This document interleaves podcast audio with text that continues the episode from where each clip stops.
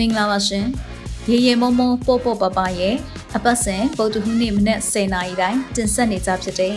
တက်သစ္စာလူငယ်ကဏ္ဍကနေကြိုဆိုလိုက်ပါရယ်ဒီ podcast ကတော့မြမလူမှုနယ်ပယ်ကစိတ်အားတက်ကြွပွဲဇလန်းစုံကိုအများသူငါကိုမတန်ဆွမ်းမှုအသိပညာမြင့်တင်ပေးဖို့အတွက်လွတ်လပ်တဲ့တွေးခေါ်ဆင်ခြင်နိုင်မှုတွေနဲ့မျှဝေလိုကြသူတွေရဲ့အသံတွေကိုပြုစုပြောထောင်ဖို့တည်ထောင်ထားခြင်းဖြစ်ပါတယ်။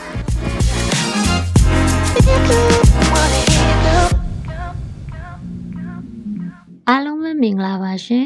MC Network ရဲ့ရေမမော့ပပပပ podcast စီစဉ်ကနေအပတ်စဉ်ဗုဒ္ဓဦးနေ့တိုင်းတင်ဆက်ပေးနေကြဖြစ်တဲ့တသစ္စာလူငယ်ခန္ဓာကနေပြန်လည်ကြိုဆိုလိုက်ပါတယ်တသစ္စာလူငယ်ခန္ဓာကိုတင်ဆက်ဖို့အတွက်အချိန်ကြာရောက်လို့လာပြီဖြစ်ပါတယ်ကျမကတော့အစီအစဉ်တင်ဆက်သူမက်လွန်ဝအောင်ပဲဖြစ်ပါတယ်ဒီတစ်ပတ်မှာကျမရဲ့ ဝဲဥရက်အစီအစဉ်လေးဖြစ်တဲ့ကိုနဲ့ကိုသားချစ်စရာဆိုတဲ့ခေါင်းစဉ်လေးနဲ့စိတ်ခွန်အားပေးသွားမှာဖြစ်ပါတယ်။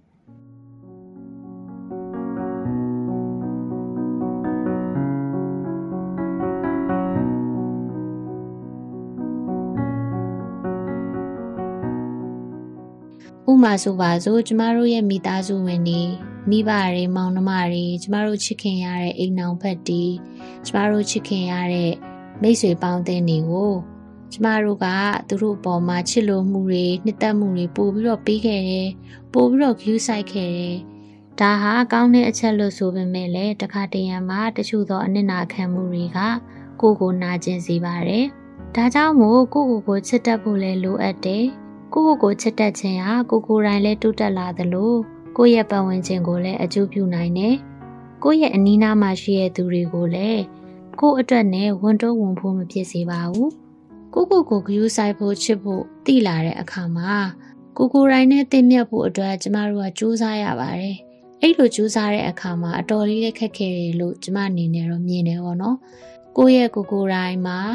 ဘာတွေလိုအပ်တယ်လဲ။ကိုရဲ့စိတ်မှာဘာတွေလိုအပ်တယ်လဲ။ကိုကိုမထိခိုက်အောင်ဘယ်လိုလုပ်ရမလဲဆိုတာမျိုးတွေကပြောတော့တာလွယ်ပေမဲ့အရန်ကိုပဲခက်ခဲပါတယ်။ တကယ်တော့ကိုကိုချစ်ဖို့တတိယလာတဲ့အခါမှာကိုကိုနာကျင်အောင်လည်းမလုပ်တော့ပါဘူး။စိတ်ညစ်အောင်လည်းမလုပ်တော့ပါဘူးကိုကိုပျော်ရွှင်စိတ်ချမ်းသာဖို့အတွက်ကိုတခြားသူစီကလည်းကျမတို့ကမမျော်လင့်တော့ဘူးပေါ့နော်ကိုကိုဘယ်လိုမျိုးစိတ်ချမ်းသာရမယ်ကိုကိုဘယ်လိုမျိုးပျော်ရွှင်အောင်နေရမယ်ဆိုတာကိုကိုကိုယ်တိုင်ဖန်တီးယူရမှာပါလားဆိုတာကိုသိလာခဲ့ကြပါတယ် ဒါကြောင့်မလို့ညီကိုမောင်နှမတွေကိုဒီအစီအစဉ်လေးကနေပြီးတော့မိမိကိုကိုဘယ်လိုမျိုးချစ်ရမယ်ဆိုတာကိုတင်ဆက်ပေးသွားမှာပဲဖြစ်ပါတယ်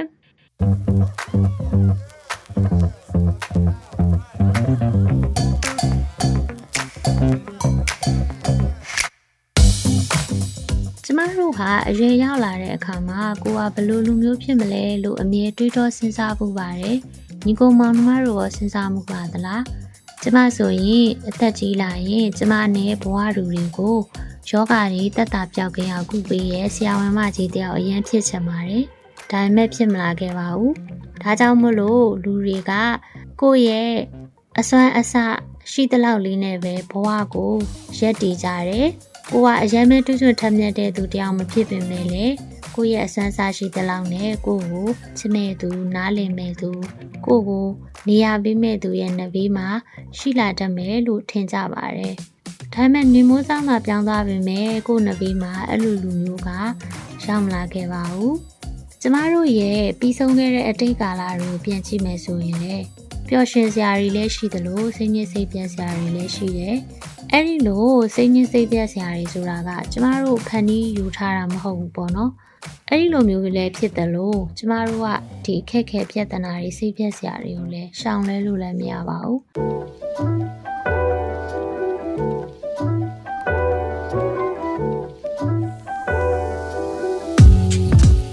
ဘာဖြစ်လို့လဲဆိုတော့ကျမတို့ရဲ့ဘဝမှာ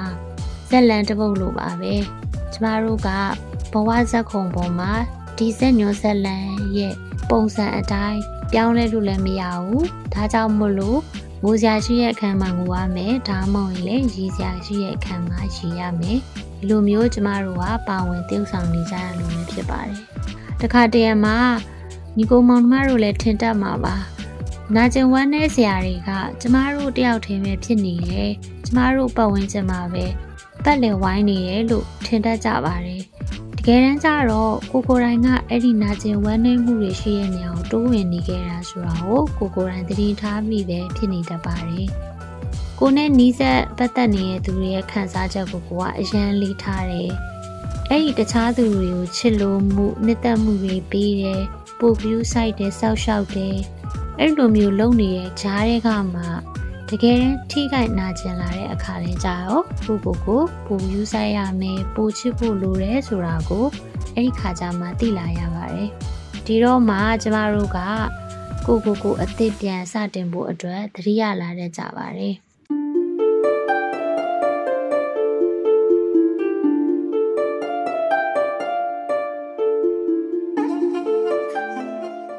ကိုယ့်ရဲ့အားနည်းချက်ကိုကိုကိုယ်တိုင်နားလည်ပြီးတော့ဖြည့်ဆည်းမယ်ဆိုရင်ကောင်းမွန်တဲ့ဘဝအခြေအနေကိုရရှိမှာပဲဖြစ်ပါတယ်။ကျမတို့ကကိုကိုယ်တိုင်ခန္ဓာကိုယ်ချွရင်နေလို့ငွေကြေးမပြည့်စုံလို့ရုပ်ဆိုအကြည့်တန်နေလို့ကိုကပိန်နာတို့ဝါတာတို့အဆရှိတဲ့ဒီမပြည့်စုံခြင်းနေနဲ့တိမ်ငယ်စိတ်တွေကိုဝင်လာတတ်တယ်ပေါ့နော်။အဲ့လိုမျိုးကိုယ့်ရဲ့အားနည်းချက်ကိုကိုကိုယ်တိုင်ကခဏခဏတူးဆွနေတာကလည်းတိမ်ငယ်စိတ်ကိုပို့ပြီးတော့ဖြစ်ပေါ်စေပါတယ်။ ဒီเจ้าရလေးနဲ့ဆက်ဆက်ပြီးတော့ကျမရဲ့ငယ်ဘွားလေးကြောင်းနည်းနည်းပြောချင်ပါတယ်ငငယ်တော့ဆိုရင်ကျမကခန္ဓာကိုယ်ချိုးရေးဆောင်မွေးဖွားလာတယ်ကျမဆယ်ရက်အောင်ပြီးတော့မိဘတွေနဲ့နေရတယ်ပေါ့နော်အဲကျမတို့မောင်နှမတွေမှာကျမကသမီးမိန်းကလေးတယောက်ထဲလေးပါတယ်သမီးမိန်းကလေးတယောက်တည်းပါတဲ့အတွက်ကြောင့်မိဘတွေရဲ့တာဝန်ကိုပို့ပြီးတော့ယူရတယ်ပေါ့နော်ကျန်တဲ့မောင်နှမတွေကယောက်ျားလေးတွေဖြစ်တဲ့အတွက်ကြောင့် မိဘကိုပြုစုဖို့အတွက်အချိန်လည်းမပေးနိုင်ဘူးတိတ်လည်းစိတ်ဝင်စားကြဘူးပေါ့နော်အဲအဲ့ဒီအချိန်မှာကျမကမိနဲ့ဖေကိုအဓိကဆောက်ရှောက်ရတယ်ဒီလိုဆောက်ရှောက်တဲ့အခါမှာအမိနဲ့ဖေကိုကိုထပ်ပို့ပြီးတော့ချစ်ခဲ့တယ်ပို့ပြီးတော့ဦးစားပေးတယ်ဒီလိုပဲအဖေရဲ့ကိစ္စလည်းကိုပဲအမေရဲ့ကိစ္စလည်းကိုပဲမျိုးလုပ်ပေးခဲ့တယ်ပေါ့နော်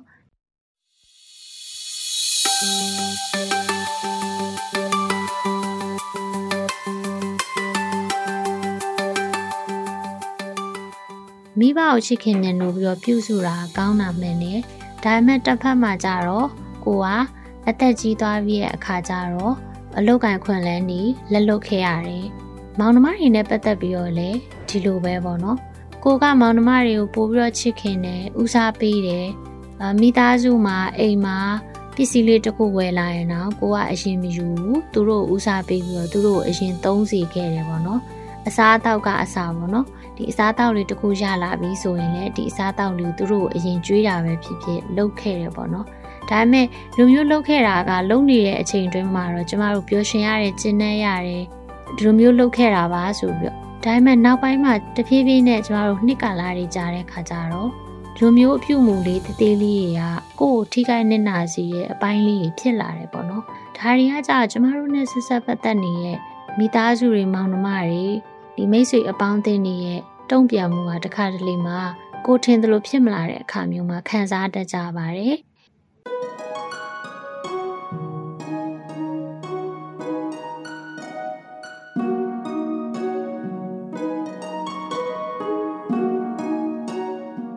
ထိုနည်း၎င်းပဲအာကိုယ့်ရဲ့အပေါင်းအသင်းမိတ်ဆွေကိုလည်းလိုပဲနင့်နာခံပြီးတော့ပေါင်းသင်းတယ်သူတို့ကိုလိုရာထက်ပိုပြီးဆက်ဆံမိတယ် ဒီလိုမျိုးလုပ်တဲ့အခါမျိုးမှာကိုကိုရိုင်းမဲ့နာကျင်ရတယ်ဆိုတာတစ်ချိန်မှသိလာတယ်ပေါ့နော်ညီကိုမောင်နှမတွေလည်းအဲ့လိုမျိုးခံစားမှုမယ်လို့ထင်တယ်ပေါ့နော်ဒါကြောင့်မလို့ကျမတို့က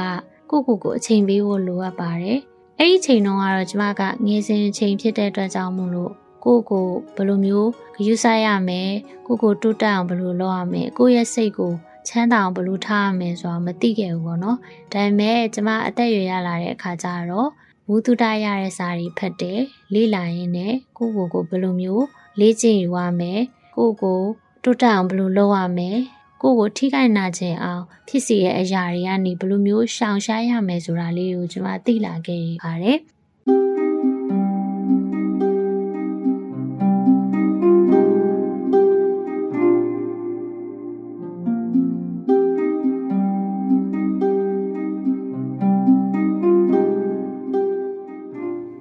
ကျမတို့လူသားတွေက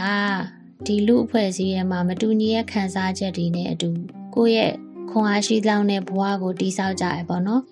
အဲ့ဒီထဲမှာမှလူလူချင်းခွဲခြားဆက်ဆံခြင်းနဲ့စိတ်တွေဒီလိုသဘောထားတွေရှိရလူတွေနဲ့တွေ့လာရတယ်ပေါ့နော်ဒီလိုမျိုးစိတ်သဘောထားတွေကြောင့်ကန့်သက်မှုတွေရှိလာတယ်အဲဒီလိုကန့်သက်ခံရတဲ့အခါမှာစိတ်ဓာတ်ကျစရာမလိုပါဘူး ဒီခွဲခြားဆက်ဆံတဲ့စိတ်သဘောထားတွေကန့်သက်မှုတွေလို့ပြောလာတဲ့နေရာမှာကျမတို့ဆိုရင်လည်းဒီမတန်ဆွမ်းတိုင်းဝမ်းမှာရှိတဲ့ဘွားရုံမောင်နှမတွေဆိုအများကြီးကြုံမှုမယ်လို့မျှော်လင့်နေပေါ့နော်ကျမဆိုရင်လည်းကြုံမှုတယ်ကျမ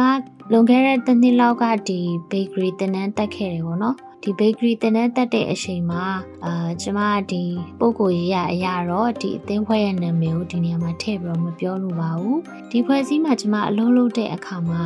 အားလုံးဟာအမျိုးသမီးတွေအတွက်အလောက်ကင်ရှာဖွေရေးအမျိုးသမီးတွေအတွက်လောက်ကင်ပေးရဲ့အရာဖြစ်တယ်ဒါပေမဲ့ကျမနဲ့အတူအင်တာဗျူးလာပေးတဲ့အချိန်မှာ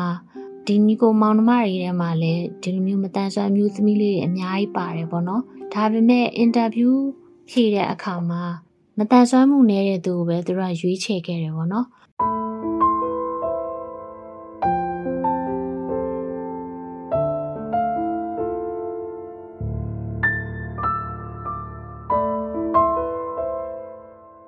ကျမကတော့ရွေးချယ်ခြင်းခံရပါတယ်ဒါပေမဲ့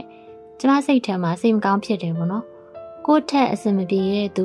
တွေတွေ့ရတာနဲ့ကိုယ့်ကိုရွေးချယ်ရဲဆိုတော့ဝမ်းတာရပါမယ်လို့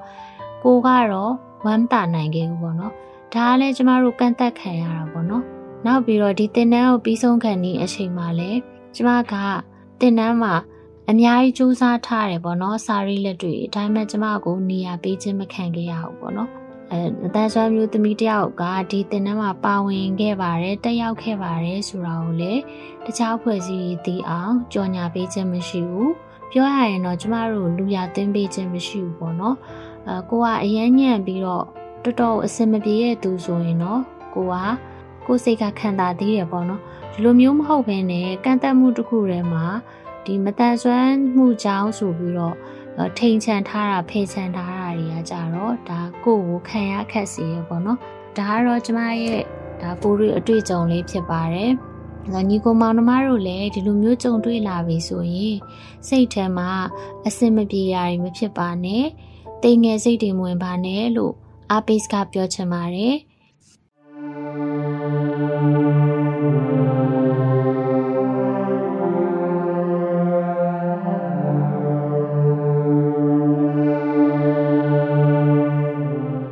ကယ်လို့ကျမတို့ကကိုနဲ့ခင်မင်းရင်းနှီးတဲ့သူတယောက်ကလမ်းမတွေးလို့နှုံမဆက်တဲ့အခါမျိုးမှာပဲဖြစ်ဖြစ်အဲငါကတော့စီးပွားရေးစင်မပြေလို့ရှုံးမလားလို့အဝတ်စားကောင်းကောင်းနေမွေးနိုင်လို့ဆိုတဲ့အတွေ့အကြုံကျမတို့ဝင်တက်တယ်ပေါ့နော်တကယ်တမ်းကတော့တစ်ဖက်လူကအလုရှုံနေရလဲဖြစ်ကောင်းဖြစ်နိုင်ပါတယ်သူ့မှာအာယုံစိုက်စရာတခုရှိလို့သူ့ရဲ့အလုပ်ကိုအရေးကြီးဆောင်ရွက်စရာရှိလို့လည်းဖြစ်ကောင်းဖြစ်နိုင်တယ်ဒါကိုကိုရီးယား ကိုယ့်ရဲ့အားနည်းချက်လောက်ထင်ပြီးတော့ကိုကတစ်ဖက်သက်နဲ့ကောက်ချက်ကြလွဲမိနေရတယ်ဖြစ်ကောင်းဖြစ်နိုင်ပါတယ်ဒီလိုမျိုးကြုံတွေ့နေရတယ်ဆိုရင်လေကျမတို့ကစိတ်အားငယ်စရာမလိုပါဘူးဒါဖြစ်လေဖြစ်တတ်ရှိရတဲ့သဘောတရားတွေပဲဖြစ်ပါတယ်ကိုယ့်ရဲ့စကားတွေကိုယ့်ရဲ့အလုပ်တွေကိုကိုကိုယ်တိုင်ချစ်ခင်မြင်လို့မယ်ဆိုရင်တခြားသူစီကကျမတို့ဘာမှမျှော်လင့်နေစရာမလိုပါဘူးကိုယ့်ကိုဘသူကတန်မိုးမထားလို့ကိုယ့်ရဲ့အလုပ်ကိုဘသူကတော့နှိမ်ချလို့ ကိုယ့်စကားကိုဘယ်သူကမှယူမဆိုင်လို့ဆိုပြီးတော့ဒီတပားသူအတွက်နဲ့ကျမတို့ကစိတ်ညစ်နေစရာမလိုပါဘူးကိုယ့်ကိုတန်မိုးထားရမယ်ကိုယ့်ရဲ့အလုပ်ကိုတန်မိုးထားရမယ်အဲ့ဒါဟာမိမိကိုယ်ကိုချစ်တတ်တာပဲဖြစ်ပါတယ်ကိုယ့်ကိုယ်ကိုဘယ်သူကမှတန်မိုးထားထားမထားတာကိုယ့်ကိုယ်ကတန်မိုးထားမယ်ဆိုရင်ကိုယ့်ရဲ့တန်မိုးကတက်နေမှာပဲဖြစ်ပါတယ်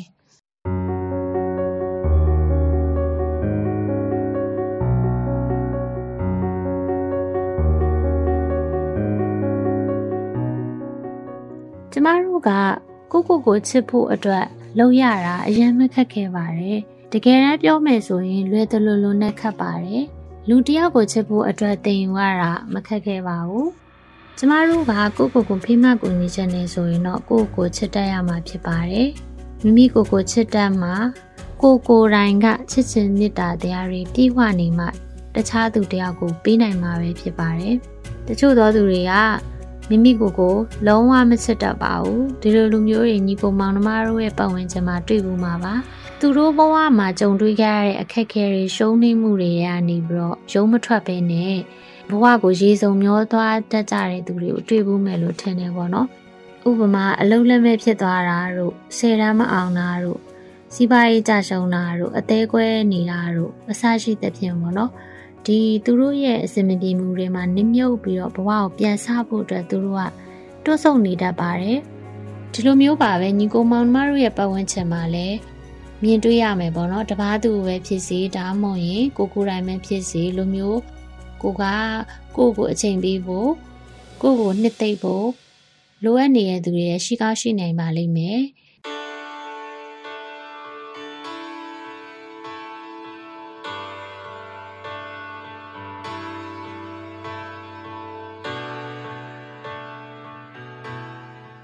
အလုံးလည်းမဖြစ်တယ်ဆိုလဲအလုံးအသစ်ပြန်ရှာလို့ရတာပဲဆယ်ရဲမအောင်ရောပြန်ကြိုးစားလို့ရတယ်လို့စီးပွားရေးမကောင်းရင်လည်းကောင်းအောင်လုပ်လို့ရပါတယ်ကျမတို့ကိုချစ်ခင်နေတတ်တဲ့သူမရှိဘူးဆွန့်ခွာသွားမယ်ဆိုလေနောက်ထပ်ချစ်တဲ့သူတယောက်ကထပ်ပြီးတော့ပေါ်လာအောင်ပါပါဒါကြောင့်မလို့ခဏတာရှုံးနေမှုတစ်ခုအတွက်နဲ့ကိုကိုကိုဘဝပြတ်ခံနေကြမလို့ထင်ပါတယ်ကျမတို့ကအဲ့ဒီဘဝတွေကယုံထားပြီးတော့ ကိုကိုကိုအစ်စ်တပံပြတ်စတင်ရမှာဖြစ်ပါတယ်မိမိကိုကိုတကယ်ရစချစ်တက်လာတဲ့အခါကျရင်ကိုဘဝကောင်းမွန်တဲ့ဘဝကြီးဖြစ်လာမယ်ဆိုတာဧကံမုတ်ချအမှန်ပဲဖြစ်ပါတယ်ကျမတို့ကလူတယောက်ကိုချစ်တတ်ဖို့ဆိုတာသင်ယူဖို့မခက်ခဲဘူးပေါ့နော်ညီကိုမောင်မတို့လည်းခံစားဖို့ပါပါကိုမှရှိရဲ့အနိကဆုံးမိသားစုဝင်နေကိုရဲ့အိမ်အောင်ဘက်ကိုရဲ့မိတ်ဆွေအပေါင်းအသင်းတွေကိုချစ်တတ်ကြတယ်ပေါ့နော် ဒါပေမဲ့ကိုကိုချစ်ဖို့အတွက်သင်ယူရကြတော်တော်လေးခက်ခဲပါတယ်ကျမကပြောခဲ့သလိုပဲပေါ့နော်လူတယောက်ကိုချစ်ရတာအရင်လွယ်ကူတယ်ဒါပေမဲ့ကိုကိုချစ်ဖို့အတွက်ကြတော့ကိုကဘာတွေလိုအပ်တယ်လဲကိုအတွက်ဘာတွေလုပ်ရမှာလဲဆိုတာကိုကျမတို့ကတကယ်တမ်းမေ့နေတတ်ကြပါတယ်ကိုကိုကိုတကယ်ကိုဖေးမကူညီချင်တယ်ဆိုရင်တော့ကျမတို့ကကိုကိုချစ်တတ်ရမှာဖြစ်တယ်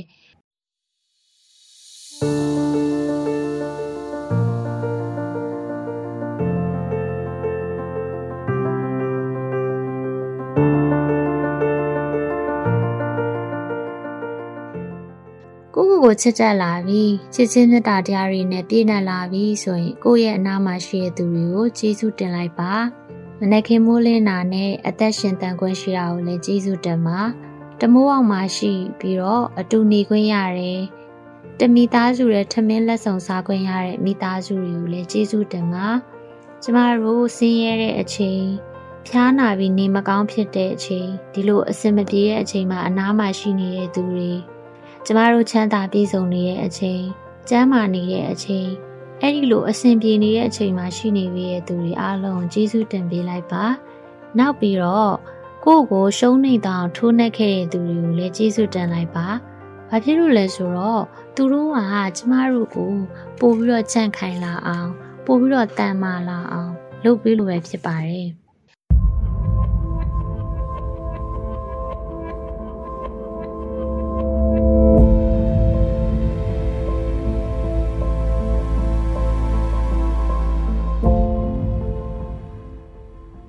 နောက်ဆုံးတစ်ခုအနေနဲ့ပြောရရင်တော့မွေးဖွားပြီးကြတဲ့အခုချိန်ထိကျမတို့ကကိုယ့်ဘဝကိုကောင်းမွန်စွာရှင်သန်နေထိုင်ကြတယ်။ဒါကြောင့်မို့လို့ကျမတို့ရဲ့မိမိကိုယ်ကိုယ်လည်းကျေးဇူးတင်ပါကိုကိုယ်တိုင်ကိုကျေးဇူးတင်တတ်မှာကိုကိုယ်လည်းချစ်တတ်လာမှာပါ။အဲဒီလိုကျေးဇူးတင်နေတဲ့စိတ်ဟာလည်းချစ်ချင်းမေတ္တာတစ်မျိုးပဲဖြစ်ပါတယ်။မိမိကိုယ်ကိုချစ်နဲ့နိုးပြီးတော့တခြားသူတွေကိုချစ်နဲ့နိုးခြင်းဟာလည်းမင်္ဂလာတစ်ပါးပဲဖြစ်ပါတယ်။ ညီကောင်မောင်နှမတို့ရေဘဝမှာအဆင်ပြေမှုတွေအခက်အခဲတွေဘလို့ပဲကြုံနေပါစေမိမိကိုယ်ကိုချစ်ခင်ပြီးတော့မိမိဘဝလှပအောင်လုပ်ဖို့တတိယကြပါနော်အခုတင်ဆက်ပေးလိုက်တဲ့ကိုနဲ့ကိုသားချစ်စရာဆိုတဲ့အစီအစဉ်လေးကိုဒီမှာပဲအဆုံးသတ်ချင်ပါတယ်အချိန်ပေးပြီးနားထောင်ပေးတဲ့ညီကိုမောင်နှမတွေကိုအထူးပဲကျေးဇူးတင်ပါတယ်နောက်ပတ်တွေမှာလည်းကျမတို့ MC network ကနေပြီးတော့ဘယ်လိုမျိုး စိတ်ဝင်စားစရာကောင်းတဲ့အစီအစဉ်တွေတင်ဆက်ပေးအောင်မလဲဆိုတာကိုစောင့်မျှော်ကြည့်ရှုအားပေးပါအောင်နော်ညီကိုမောင်မတို့ရေဘဝအမောပြေပြီးတော့ကိုယ်စိတ်နှပြကျမ်းမာချမ်းသာကြပါစေလို့ဆုမွန်ကောင်းတောင်းပေးလိုက်ပါတယ်